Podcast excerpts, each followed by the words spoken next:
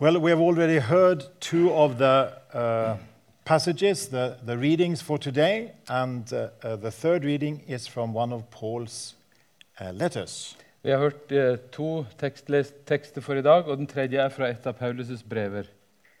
And uh, uh, I thought that was an appropriate text since this also was to be a touch of veritas. Jeg syns det var en veldig, eh, veldig bra tekst å ha, fordi den også har en eh, litt berøring med Veritas. So let's read from 1 Corinthians 9, verses 19 to 23. Så vi leser fra 1. Korintier 9, 19-23. Det er vel displayed på norsk, er? Yeah, so, yeah. Um, Though I am free and belong to no man, yet I made myself servant unto all that I might gain the more. And unto the Jews I beca- became as a Jew, that I might gain the Jews. To those who are under the law, as under the law, that I might gain those who are under the law. To those who are outside the law, as outside the law, though not outside the law of God, but under the law of Christ, that I might, that I might gain those who are outside the law. To the weak I became as weak, that I might gain the weak. I made all things to all men, that I might by all means save some. And this I do for the gospel's sake, that I might be partaker thereof with you. Heavenly Father, we pray that you will uh, sanctify this word for us. Far, vi ber om at du vil helliggjøre dette ordet for oss. hellige ordet for oss.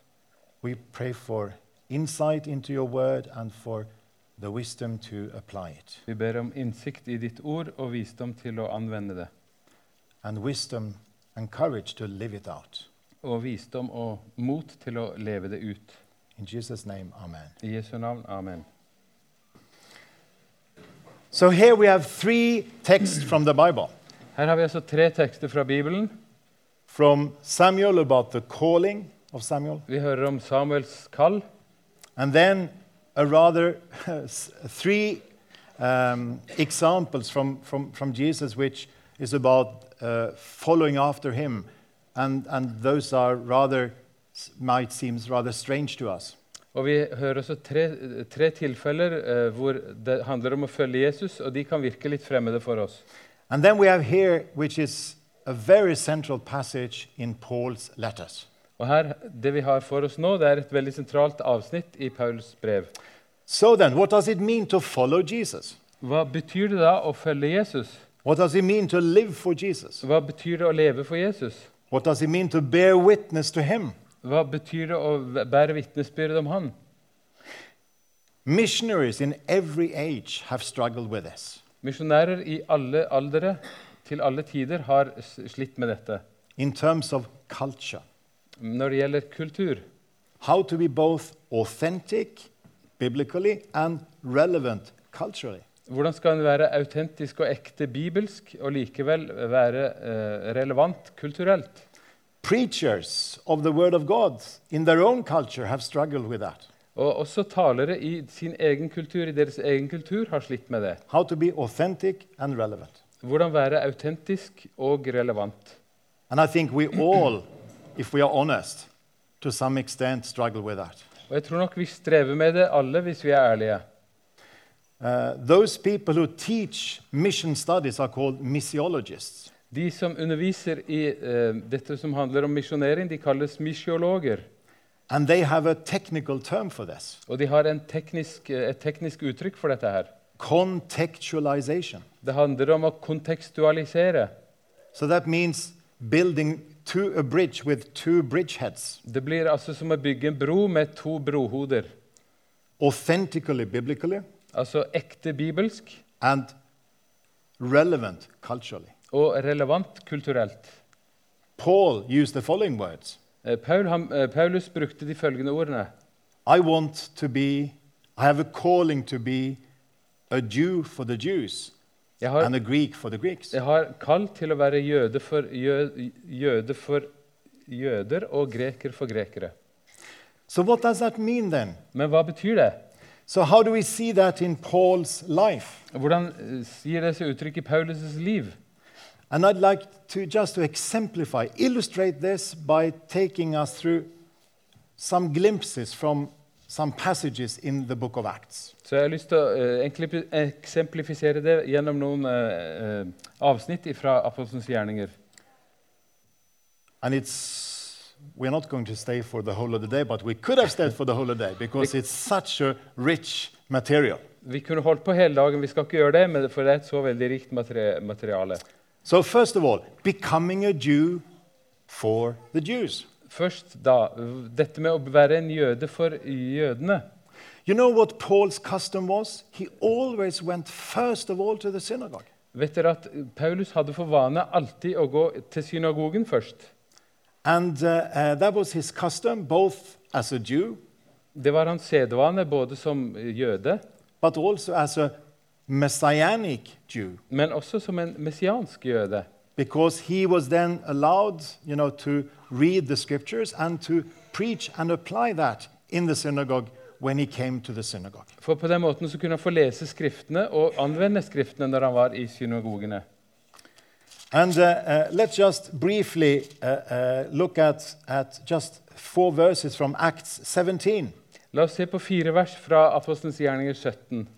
These are the first four verses in that chapter, Det er de første fire versene i det kapitlet. where Paul is visiting Thessalonica. Eh, Paulus han, eh, er i. And it's uh, fascinating because it's very clear that in the synagogue he went first there, but then he started with the scriptures. With that was the Old Testament, of course. Eh, Det er veldig fascinerende, for Han går til synagogen og han starter med Skriftene. og Det var selvfølgelig Det gamle testamentet. Well, both because that was the shared authority. Those who were there had the they also believed in the Old Testament. They trusted the Old Testament as the word of God. De som var i synagogen, de hadde altså dette som en felles autoritet, og de, eh, de stolte på Det gamle testamentet. So it was a natural point of contact. Så det var et naturlig kontaktpunkt. And I find it so fascinating the words that I use there.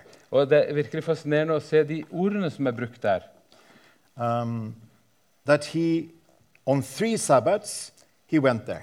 På, han var der på tre sabbater, And he reasoned with them from the scriptures. og han um, uh, uh, reason, Argumenterte. reason, argumenterte med dem uh, ut ifra skriftene. Explaining and proving. Og han forklarte og beviste. Does that sound like blind faith? Høres det ut som blind tro? No, it sounds like he knew why he was believing in this. Han, tvert imot, han, han viser hvorfor han tror på dette. So, okay, he went to the synagogue first, where they shared the authority of the scriptures. Først gikk han til synagogen, altså, hvor, de, eh, felles, eh, hvor de, de var felles om autoriteten i Skriftene. And then he was given the opportunity of teaching and applying from the Old Testament. Og så ble han gitt muligheten til å anvende dette ut ifra Det gamle testamentet. And I find it really interesting. I wonder if you and I had been there, what would we have chosen to focus on? Eh, Hvis vi hadde vært der, hva hadde vi eh, vi villet fokusere på? It seems as if he had two themes. Det virker som han hadde to temaer. Who is Messiah in the Old Testament? Hvem er Messias i Det gamle testamentet? So, what is the big picture? Hva er det store bildet? And how does Jesus fit into that picture? Og hvordan passer Jesus inn i dette store bildet? And I think whatever the culture is, those are the two fundamental questions for us. og uansett kultur så er det de to fundamentale spørsmålene for oss. What is the big picture? Hva er det store bildet, And how does Jesus fit into og that hvordan big picture? passer Jesus inn i det store bildet? And you see, he, he, it says that he, he uh, argued, he explained, he proved, and so on. Det står at han argumenterte, han forklarte osv. he said that the Christ, Og sa at den Kristus, den salvede, uh, that is the Messiah of the Old Testament, had to suffer and rise from the dead. han måtte lide og stå opp fra de døde. So we, I think it's possible to imagine ourselves there. And if we were one of the Jews, what kind of teaching had we received in the synagogue about Messiah? Hvis vi hadde vært en av jødene der i synagogen, hva slags undervisning ville vi, ville vi ha hatt uh, om Messias? Probably that Messiah was going to, to come and conquer the, the world, to liberate Israel from the occupation. Sannsynligvis at Jesus ville komme og befri Israel fra okkupantene. And of course, there are many texts in the, in the Old Testament talking about the power, the royal power of, of Messiah. Og det er absolutt mange tekster i Det gamle testamentet som snakker om Messias' kongelige eh, makt. But we also have the text in Isaiah, Isaiah you know, about the servant and the suffering servant. Men vi har også tekster i Jesaja om den lidende tjener. So, what he actually did, he presented the whole picture, saying, in order to understand who the Messiah is, we need to understand that the picture in the Old Testament also includes suffering, death, and resurrection. Så for å forstå det store bildet og for å få, eh, eh, eh, forstå eh, hvordan Jesus passer inn, så må vi også forstå eh, de tekstene i Det gamle testamentet som handler om at, Jesus, at Messias skulle lide. So, the big picture is about the Messiah, yes, who will once conquer evil, will be the, the real Christus Victor, the, the victorious Lord. Ja, så Bildet er absolutt om en uh, seirende Kristus til slutt, som skal seire til slutt.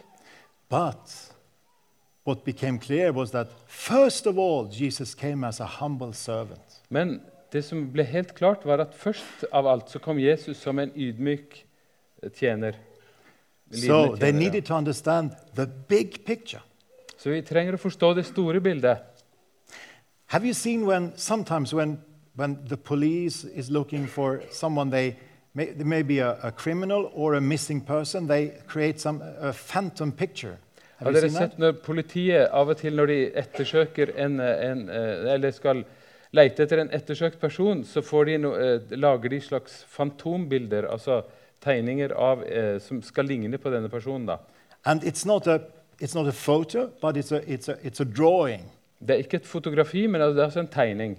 And I think we can imagine that the Old Testament is like such a phantom picture where all the different prophecies together create a drawing of Messiah. Så på den måten tenker jeg vi kan se på Det gamle testamentet som en slik fantomtegning som til sammen eh, tegner et bilde av Jesus. And so the, and it, it, it, it paints a picture of the Messiah of the Old Testament. Det, lager, eh, det lager også et bilde av Messias eh, i Det gamle testamentet. And then Jesus comes to his second point. Så kommer Jesus til sitt andre poeng. This Jesus I'm proclaiming, Paul, ja. this Jesus I'm proclaiming to you, he is the Christ. Og det Paulus da kommer med sitt andre poeng, det er han sier at eh, denne Kristus, det er den vi forkynner, denne Messias.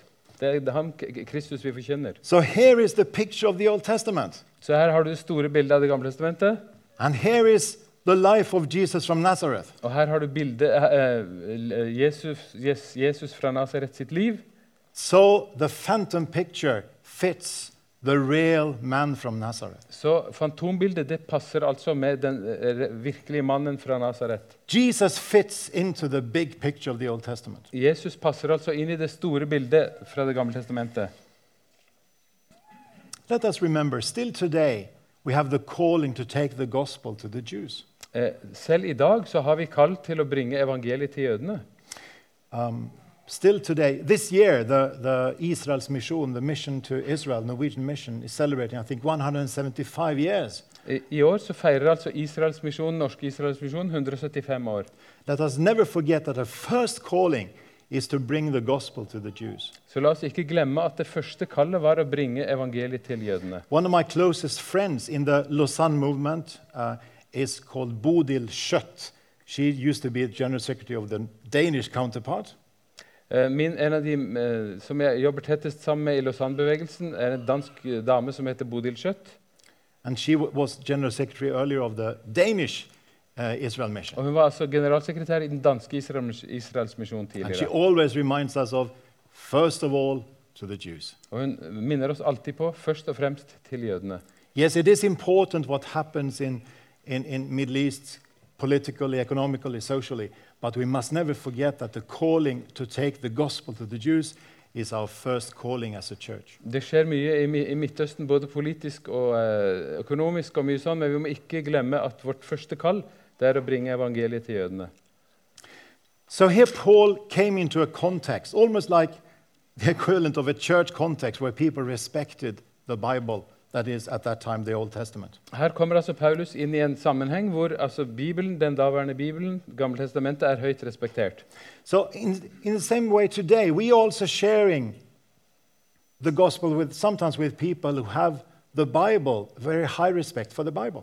Vi, vi som lever i dag, vi deler også evangeliet ofte med folk som har uh, stor respekt for Bibelen. So let us remember that we then take them to the scriptures, to the Bible, and let them explore the Bible and, and the, the Jesus that fits the whole story of the Bible perfectly well. Så la oss derfor ta dem med inn i Bibelen og la dem få se hvordan Jesus passer inn i det store bildet. helt perfekt. But also for those who are seekers or doubters. Men også for dem som er søkende og som er tvilende. I think presenting the phantom picture of the Old Testament and the life of Jesus and see how that matches together is such a beautiful picture. Så tror jeg det er et vakkert bilde å få altså, eh, fantombildet eh, av Jesus i det gamle eller til å passe inn i Det gamle testamentet. And maybe you and I today needs to be reminded of the fact that Jesus fits the whole picture of the Old Testament. Og Kanskje du og jeg også trenger å bli minnet om at Jesus han passer inn i det store bildet i Det gamle testamentet. It's so easy to get lost in all the small little parts of the Old Testament, when there are Vi blir ofte many fortapt i, small parts of the Old Testament. i, i små deler av Det gamle testamentet. But we mustn't forget the big picture. Men la oss ikke glemme det store bildet. So Paul was concerned to becoming a Jew for the Jews. Så Paulus han var altså uh, opptatt av å bli en jøde for jødene. But Paul is primarily known as the gospel to the world outside the Jewish faith. Men Paulus han er jo først og fremst kjent for at han brakte evangeliet til eh, verden utenom jødene. So, how did he approach that? Hvordan han seg, tilnærmet han seg det? Well, it's obvious from the book of Acts that he was looking for points of contact. Det er helt tydelig at I apostelens gjerninger så søker han kontaktpunkter. He was looking for understanding the stories of the people outside the, the Jewish faith, Så Han prøvde altså å forstå historiene til menneskene utenfor den jødiske tro. to understand their culture, eh, For å forstå deres kultur, to understand their longings and struggles. deres lengsler og eh, kamper. So Paul is listening in. And we find especially two passages in the book of Acts that is highlighting this in a very clear way. Og Paulus har prøvd å lytte seg inn i dette, og vi ser to avsnitt i apostelens gjerninger som uh, belyser dette tydelig. The first one is in, in chapter 14, Det første er altså i kapittel 14, where Paul is, is uh, uh, Paul and, and Barnabas is actually uh, uh, discover, experiencing something rather extraordinary. Eh, Paulus og Barnabas de opplever der noe veldig spesielt. Uh, there, it's, it's a situation, a context where, where there is a, a healing taking place. Det har foregått en helbredelse. So Paul and Barnabas are God's instrument to, to bring healing to a person who was, was uh. Så Paulus og Barnabas de har altså vært Guds instrumenter til å bringe helbredelse til en som hadde vært krøpling. The others, the, the, the pagan crowds around there, totally. Men da misforstår altså den he eh, hedningeskaren rundt der det, det som har skjedd. They think that those people have divine powers. They must be Zeus and Hermes. Så de tenker at disse har guddommelige krefter, så de må være Zeus og Hermes. I don't know if you have come across being taken for being a god. I have not. Jeg vet ikke om dere har vært tatt for å være en gud. Jeg har i alle fall ikke blitt det. Uh, but you imagine in that kind of cultural context, that seemed to be, they were waiting for the gods to reveal themselves. Men altså i den kulturelle sammenhengen der så ventet folk på at Gud skulle, eller gudene skulle åpenbare seg. And then Paul is responding to that, clarifying that with some very, very interesting words. Men da eh, forklarer og går, imøtegår Paulus dette med noen veldig in interessante ord. That you shouldn't think like that. We are just men like you. Dere skal ikke tenke sånn. Vi er mennesker akkurat som dere. But we are bearing witness to someone who created the whole universe. Men vi har altså med oss vitnesbyrdet om en som har eh, skapt hele universet. We are bringing you good news, Vi bringer dere gode nyheter. telling you to turn from these worthless things to the living God. Vi, tenker, vi ber dere om at dere skal vende dere bort fra disse verdiløse tingene og til Gud. And then he comes to a very interesting point. He says, Og så kommer han til et viktig, eh, interessant punkt, og så sier han, he's saying, he, the God who created everything has not left himself without witness in your lives. Og Gud, som har skapt alt, han har ikke latt det være uten vitnesbyrd i deres liv. Isn't that, do we really understand how thought provoking that statement is from Paul? Skjønner vi egentlig hvor tankeprovoserende det der er fra Paulus' side? So Paul is saying he's coming to someone who has never heard about the Bible, Han kommer til noen altså, som aldri har hørt om Bibelen, but yet he is saying that God had been there before. men så sier han altså Gud har vært der før. God had already been in their lives. Gud har vært altså, i deres liv tidligere. And there are some very beautiful words here. Og det er noen nydelige ord her. He, he has not left himself without testimony. Han har altså ikke latt seg sjøl være uten vitnesbyrd. He has shown kindness Han har vist godhet mot by giving you rain from heaven med å gi dere regn fra himmelen and crops in their seasons. og eh, avlinger i, til rette tid. He provides you with plenty of food. Han har gitt dere ma mat i overflod. And then comes the most, one of the most extraordinary little sentences in the whole book of Acts. Og så kommer det en veldig interessant og kanskje en av de mest interessante setningene i hele apostelens gjerninger. And fills your hearts with joy. Og fyller hjertene deres med glede.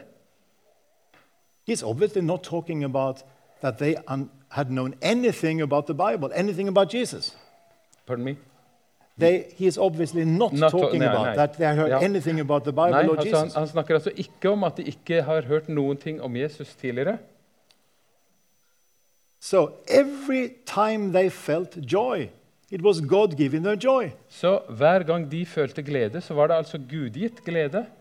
So every time there was a true sense of humor or laughter, it was God giving them that sense. Så hver gang det var snakk om eh, humor og latter, så var det altså Gud som ga dem denne, eh, denne sansen for humor. So that's on the, on the superficial level, but also on the deeper level. Dette er også både på et overfladisk, men også på et dypere eh, plan. Every time they felt a deep sense of joy in their lives, Hver gang de kjente dypt, en dyp følelse av glede i deres hjerte, i, i liv, they actually was God who had given them that joy. så var det rett og slett Gud som har gitt dem den gleden.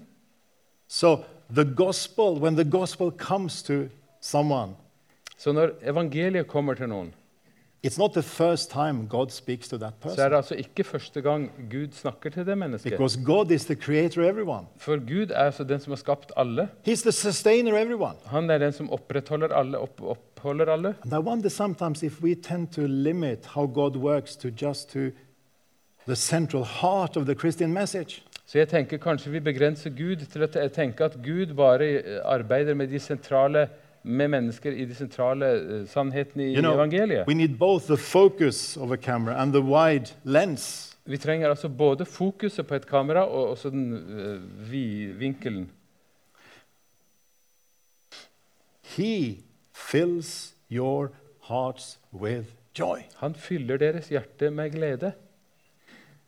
Do you know what C.S. Lewis, the, the, the, the British author who, who uh, wrote uh, the Narnia Chronicles, Vet dere, dere kjente C.S. Lewis, som skrev eh, Narnia- Narnia-bøkene?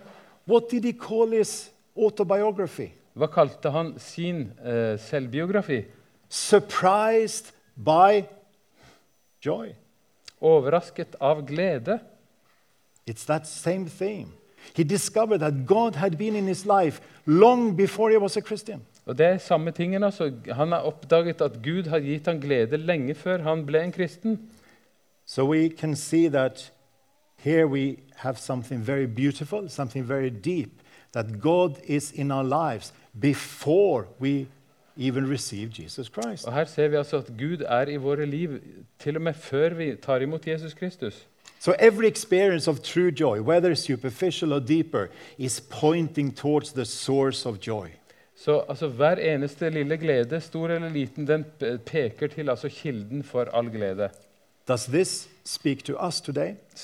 Taler dette til oss i dag?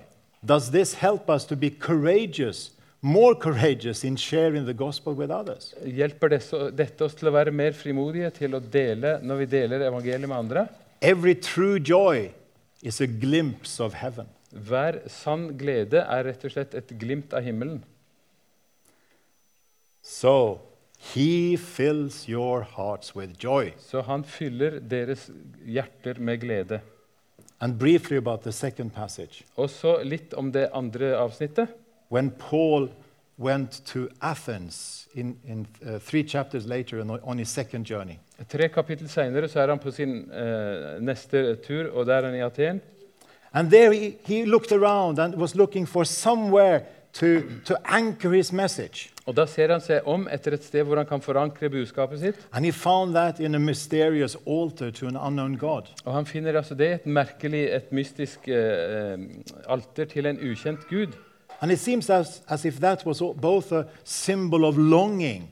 They were longing to get to know God whom they didn't know. Det virker rett og slett som at det er et symbol eh, av lengsel. De lengter etter en gud som ikke de kjenner.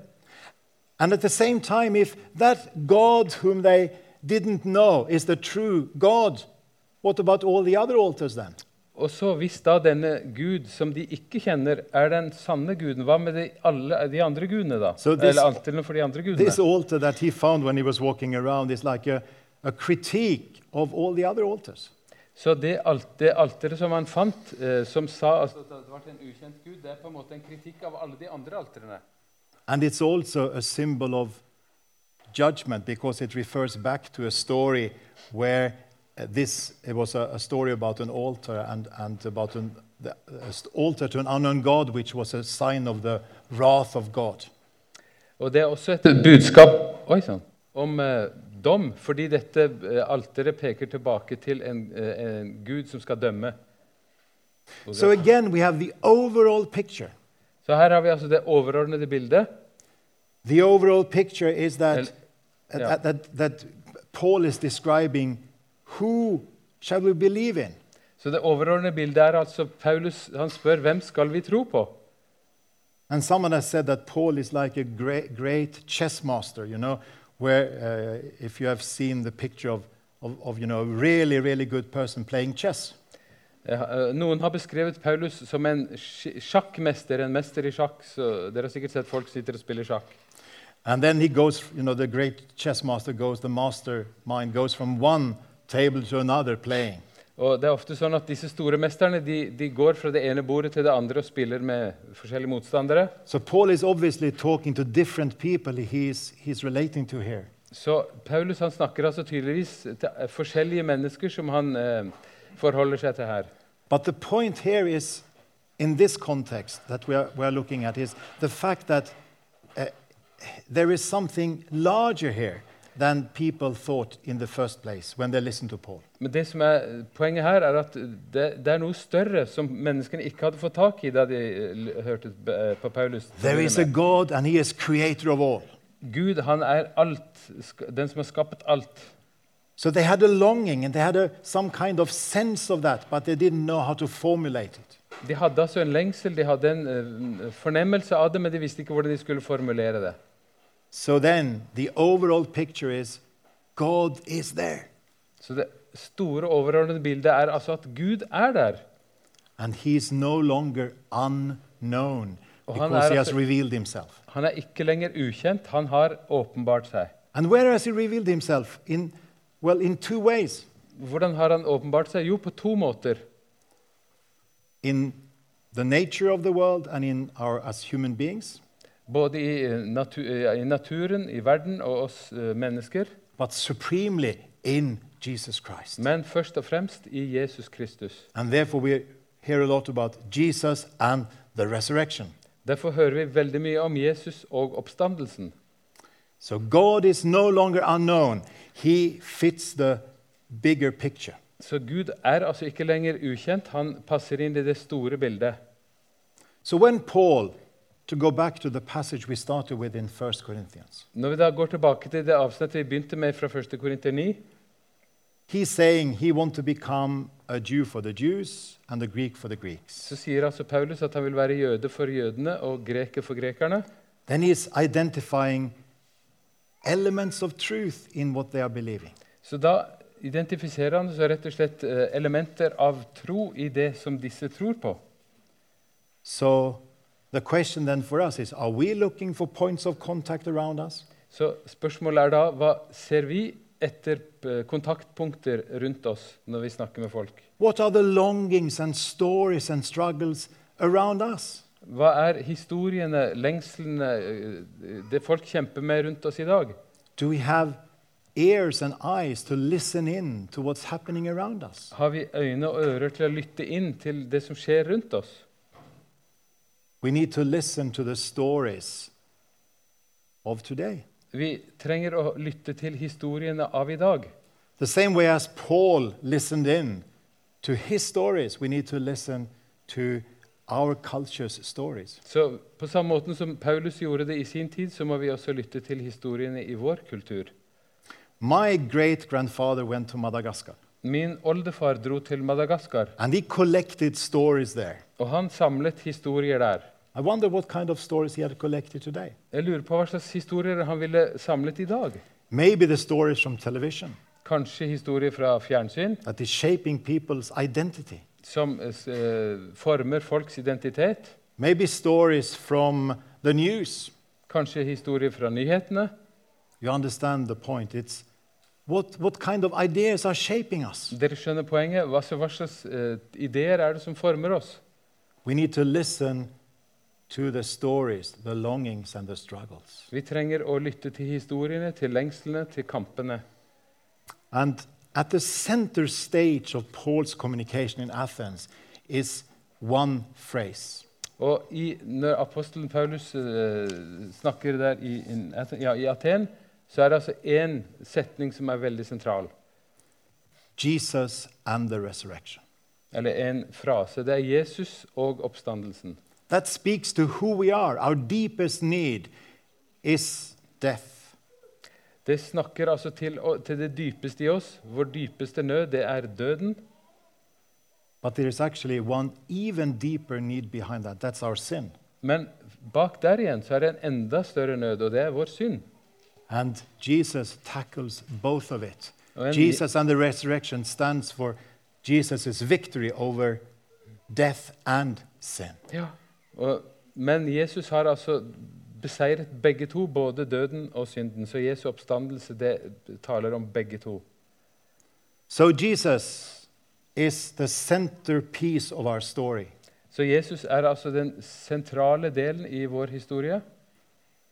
We are called to bear witness, as Paul put it, to be a Jew to the Jews and a Greek to the Greeks. Så vi er altså kalt til å være jøde for jøder og greker for grekere.